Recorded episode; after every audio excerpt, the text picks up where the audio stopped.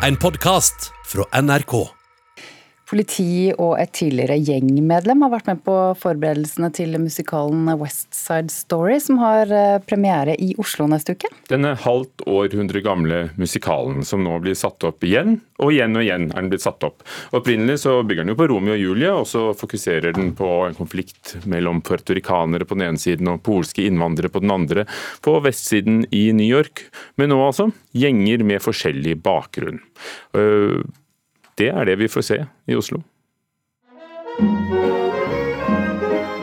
Hver av gjengene så er det ikke noe sånn at du har svart på en side, hvit på en side eller whatever. Det er alt på begge sider, og du finner det likt hos alle. Forskjellen er bare at vi var her først, dere kom seinere.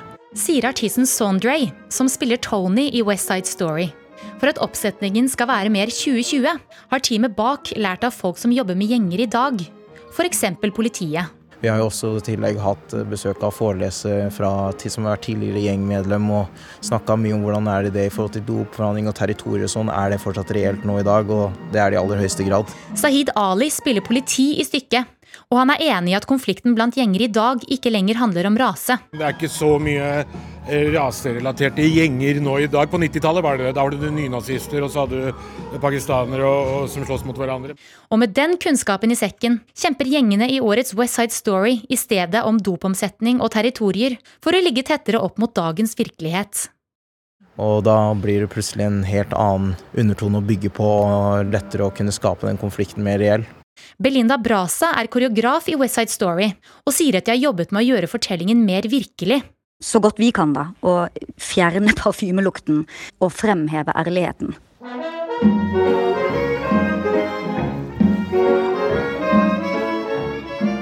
Men én ting trenger ikke moderniseres i den 50 år gamle historien om to unge mennesker fra hver sin gjeng.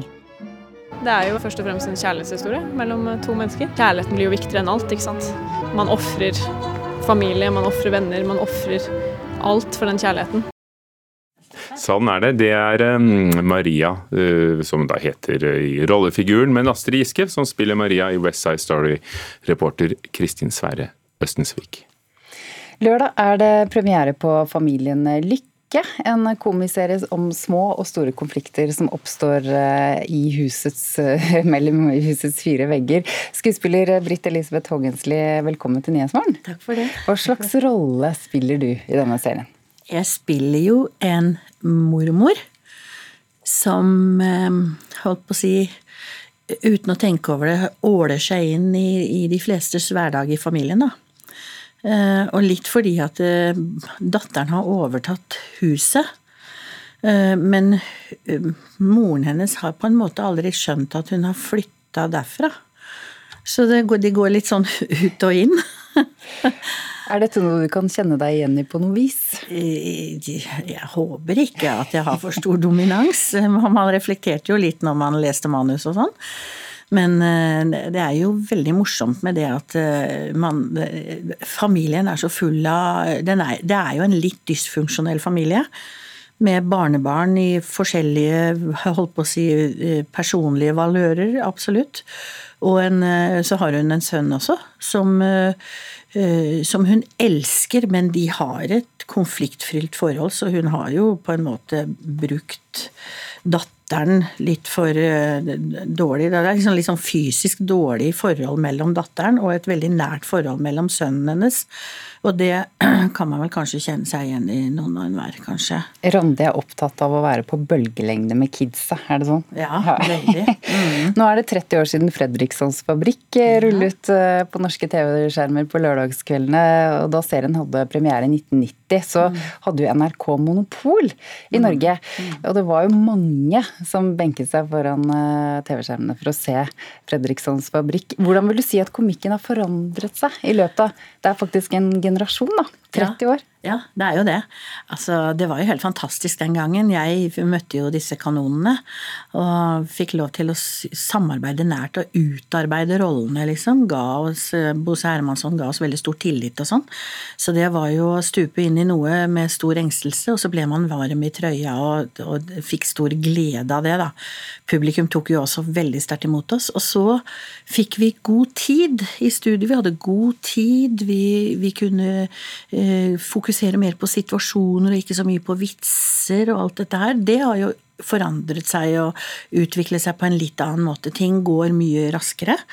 Eh, man er opptatt av at man skal liksom punche ting og sånn. Jeg er veldig glad i at eh, man ikke skal tenke på at det punches, men at man liksom rett og slett ler av situasjonene. Da.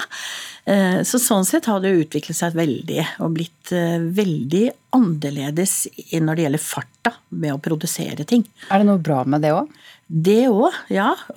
Man gis jo da kanskje litt større tillit, og må jobbe raskere i huet og, og finne kanskje frem til ting eh, litt fortere. Og, og, personlighetene kommer også kanskje da muligens litt eh, sterkere fram, uten at man tenker på det. Altså, Man jobber mer intuitivt, rett og slett? Ja, Mulig det. Mm. Men du, hva var det med denne serien, eh, Familien Lykke, som virket forlokkende på deg? Jo, det er fordi det er situasjoner i hver eneste episode som jeg tror noen av enhver kan kjenne seg igjen i. Og så er det jo skjønne disse barnebarna hennes, eh, som bare stuper inn og ut av livet hennes hele tiden, og som hun prøver å støtte. Og hun er jo veldig glad i å være inne med kidsa, da. Eh, og det går også litt på bekostning av datter og sønn, kan du si. Eh, så hun styrer jo fælt, men samtidig så tror jeg liksom barnebarna hennes er veldig glad i henne, da. Så det er eh, veldig mye rart. Og det, jeg tror ikke helt Hun er absolutt ikke klar over at eh, det detter ut noen store kameler fra den munnen av og til, da. Takk, skuespiller Britt Elisabeth Haagensli. Og Familien Lykke kan du se på NRK1 på lørdag klokken 22.10. Hyggelig å være her. Samlaget, som utgir bøker på nynorsk, har fått inn over 65% flere manuskripter enn de gjorde for bare få år siden. I klassen for barne- og ungdomsbøker på altså nynorsk. Og Noe av dette speiler seg litt eh, når Falturiltu begynner på Stord på lørdag. Falturiltu er eh, festival for eh, barnebøker på nynorsk. Niendeklassingene ved Stord ungdomsskole er i full gang allerede med forberedelsene. Hele skolen har fått sett nakenbilder av deg, liksom. Jentene diskuterer hvordan ei bok de har lest kan bli en dans. Neste uke skal de framføre dansen for forfatteren på litteraturfestivalen Falturiltu. Og så blir vi vist flere nye norskbøker. Vi visste kanskje ikke at det var så mange bøker som ble på en måte presentert for flere bøker. Noen ungdommer sluker bøker, andre leser ikke ei eneste ei. Hanna Aadland Tappel, Selma Andresen og Emilie Aga Romfog plasserer seg i midten. Litt. Litt ja. ja. Mer enn ingenting. Men vi er kanskje ikke de beste til å lese mye, på en måte. Er, eller jeg er i hvert fall ikke den som leser mest. Um, jeg pleier å lese sånn bøker som kjendiser lager og sånn. Eksempel sånn boka til Obama, altså Michelle Obama. Jeg leser, jeg leser mer sånne kjærlighetsbøker eller sånn historie. Ja, jeg òg sånn på en måte vanlige ja. ungdomsbøker, på en måte. Bøkene på Falturiltu er skrivne på nynorsk. Festivalsjef Roald Kaldestad sier det er lettere å finne gode bøker nå enn før. Ja, jeg har jo fulgt, uh, fulgt det iallfall uh, i ti år i festivalen. Og jeg syns det er en veldig god utvikling. Vi trenger ikke invitere eh, samme forfatteren år etter år. Vi kan ha helt nye forfattere hvert år. Pga. at det er såpass eh, mange med høy kvalitet. I Samlaget stadfester de utviklinga. For tre år siden fikk de inn rundt 150 manus til barne- og ungdomsbøker i året. Nå har tallet økt til 250, sier Brynjulf Jung Kjønn, som er forlagsredaktør for barn og unge. Eh, vi opplever jo eh, de siste par, eh, par, årene at det er flere og flere som sender inn manus til oss. Og at interesse for å skrive bøker på nynorsk er ganske klart økende. Bare 7,7% av barnebøkene som ble gitt ut i 2018 var skrivne på nynorsk, viser statistikk fra Barnebokinstituttet. Tallet er likevel høyere enn tidligere år. Det er mye flere bøker på bokmål. Først nynorsk er veldig populært å lese. Folk leser mer bokmål her òg. Falturiltu begynner på lørdag på Stord, der vår reporter er Eli Bjelland. En tidligere ansatt i Trump-administrasjonen som anonymt skrev en bok der han omtalte president Donald Trump som eh, uberegnelig og uegnet, har nå endelig stått frem. Hvem er denne personen, kulturreporter eh, Linda Fedler? Den anonyme forfatteren viser seg å være Miles Taylor, han var tidligere stabssjef i Department, Department of Homeland Security. Seks dager før presidentvalget så sto Taylor frem, frem i går som forfatter av boka eh, og la ut en begrunnelse på hvorfor han mente at det var nødvendig å skrive denne boken. A warning, eller også på norsk en advarsel. Eh, Taylor jobber nå for nyhetskanalen CNN og understreker at han er republikaner, men ønsker nå å advare eh, den som mener at Trump bør få sitte fire nye år i Det hvite hus. Han mener at Trump er alt det de konservative ikke ønsker at en regjering skal være, nemlig ekspansiv, sløsende, vilkårlig, uforutsigbar og villig til å misbruke makten sin. Denne nyheten ble vel sluppet i går kveld i New York Times, tror jeg. er det sånn at Donald Trump nå har sagt noe, eller tvitret noe, om Taylors avsløring? Trump har tvitret. Og han har eh, skrevet i en twittermelding i går kveld Hvem er Miles Taylor? Han hevdet å være anonym, men jeg kjenner ham ikke. Har aldri hørt om han. Eh, men så har flere Twitter-brukere svart eh, presidenten ved å bl.a. poste et bilde av Trump sammen med Taylor på det ovale kontor, der de begge smiler og holder tommel opp. Det er faktisk skrevet eh, mer enn 1200 bøker om Donald Trump. Eh, kan det stemme? Ja, det er faktisk, I sommer så gjorde New York Times en undersøkelse av det her, og klarte å kartlegge så mange titler. Ja. Men um, mange av dem er jo da uh, skrevet for å kritisere Trump. Hvordan vet vi, eller Hva vet vi om hvordan dette bidrar til um, i, altså i velgernes syn på presidenten? Altså, Aftenpostens journalist Gunnar Kagge skrev tidligere i høst at um, de kritiske bøkene stort sett leses av de som allerede er kritiske til Trump. Uh, forlagene markedsfører disse bøkene som at det skulle være spikeren i kista foran. Men med det polariserte debattklimaet i USA, så er det lite troverdig. Men bokbransjen de lever godt av disse bøkene, for det er de kritiske bøkene som faktisk selger best. Takk, kulturreporter Linda Fedler. Det er kinopremierer på fredager, så allerede nå kan vi anmelde én av de nye filmene denne uken, nemlig den finsk-svenske filmen 'Livet etter døden'.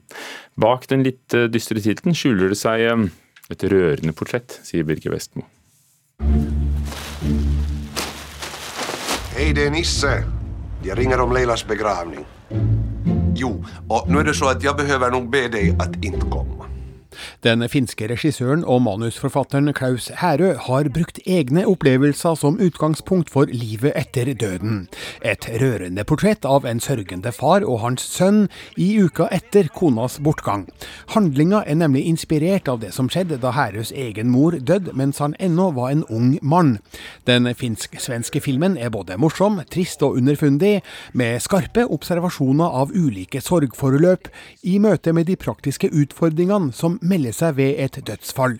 Det her skildres med store doser sort humor av det lune slaget, som gjør livet etter døden til en dypt menneskelig film. Det er en masse folk, bare du og jeg.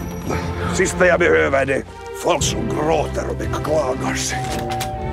Nisse, spilt av Peik Stenberg, vil helst at konas begravelse skal foregå i stillhet, men hans søster Elsa, spilt av Lena Labart, trenger seg på, samtidig som svigermor Brita, spilt av Sara Arnia, inviterer alt av slekt og venner. Sønnen Stefan, spilt av Martin Paul, forstår ikke hvorfor faren har det så travelt med å få begravelsen unnagjort, noe som skaper friksjon i sørgeprosessen. Hva gjør du selv? Bjuder inn folk til begravning uten at de spør meg. Satans kjerring. Sjøl med en beskjeden spilletid på 1 time og 21 minutter, gir filmen oss god tid til å fordøye spenninga som skjuler seg i den tilbakelente stemninga, de elegante miljøbeskrivelsene og de nyanserte personskildringene som er dypere enn man først kan få inntrykk av. Alle figurene bærer på en stor sorg, men gir uttrykk for den på forskjellige vis, noe filmen skildrer godt og effektivt. Kan det ta så lenge å få en menneske gjort? Behandlet hvit eller, eller svart? Livet etter døden er en nydelig liten film om den sørgelige uka de fleste på et eller annet tidspunkt må gjennom, der man blir nødt til å ta små og store avgjørelser som der og da kan fortone seg som absurde. Om man ikke har opplevd det her, er historien likevel lett å relatere seg til, med gjenkjennelige mennesketyper og reaksjonsmønstre. Spesielt er skildringa av den sta og trassige hovedpersonen et mesterstykke, fortreffelig spilt av Peik Stenberg. Nisse er proppfull av følelser, men mangler egenskapene til å gi dem et utløp. Samspillet mellom Stenberg og Martin Paul i rollen som sønnen resulterer i flere nydelige øyeblikk med underspilte emosjoner som gjør inntrykk. Klaus Herø lykkes i å formidle en sorgfull og melankolsk historie med humor og hjertevarme. Derfor kan Livet etter døden anbefales på det varmeste. Alt er sånn tid. Terningkast fem. Birger Vestmo, som anmeldte en av ukens kinopremierer, og Filmpolitiets eh, sider på NRK har jo tatt inn over seg at eh, det er mange kinopremierer og mange serier og filmer som går på strømmetjenester og podkaster, og de anmelder alltid på filmpolitiet.no.